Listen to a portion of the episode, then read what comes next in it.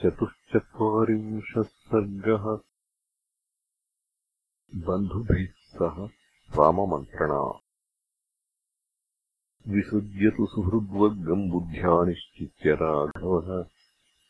समीपे द्वार्थमासीनम् इदम् वचनमब्रवीत्। शीघ्रमानय सौमित्रिम् लक्ष्मणम् शुभरक्षणम् भरतम् च महाभागम् शत्रुघ्नम् अपराजितम्। रामस्य वचनम् श्रुत्वा द्वारस्थो मूर्ध्नि कृताञ्जलिः लक्ष्मणस्य गृहम् गत्वा प्रविवेशानिवारितः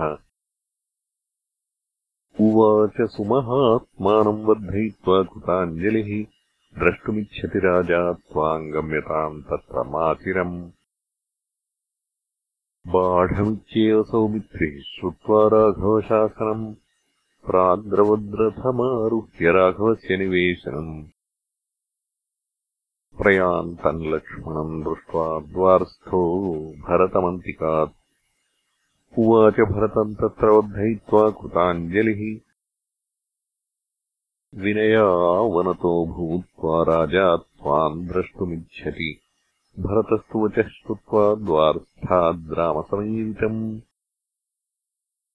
उत्पपातासनात् तूर्णम् पद्भ्यामेव ययौ बली। दृष्ट्वा प्रयान्तम् भरतम् त्वरमाणः कृताञ्जलिः।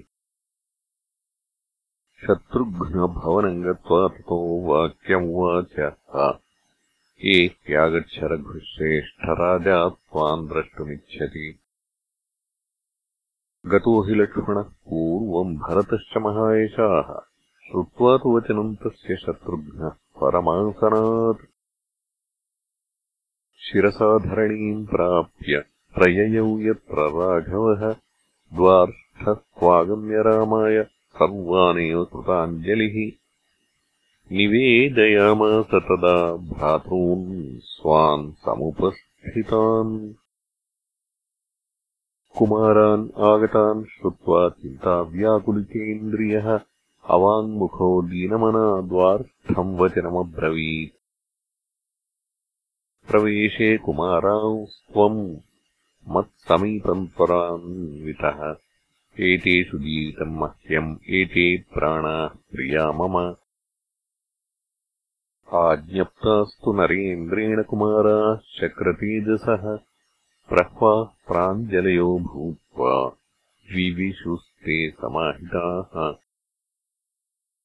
ते तु दृष्ट्वा मुखम् तस्य सग्रहम् शशिनम् यथा सन्ध्यागतमिवादित्यम् प्रभया परिवर्जितम्। बाष्पूर्णे च नयने दृष्ट्वा रामस्य धीमतः हतशोभम् यथा पद्मम् मुखम् वीक्ष्य च तस्य ते त्वरिताः पादौ रामस्य मूर्धभिः तस्थुः समाहिताः सर्वे रामस्त्वश्रूण्यवर्तयत्। तान् परिष्वज्य बाहुभ्याम् उत्थाप्य च महाबलः। आसनेष्वासते इत्युक्त्वा ततो वाक्यम् जगादः।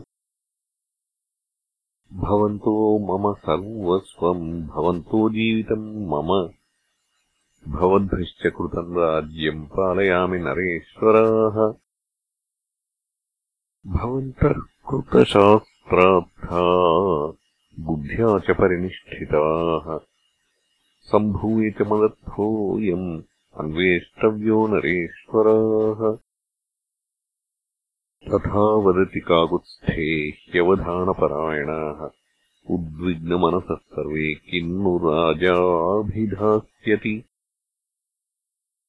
इत्यार्षे श्रीमद् रामायणे वाल्मीकीये आदिकाव्ये उत्तरकाण्डे चतुश्चत्वारिंशः सर्गः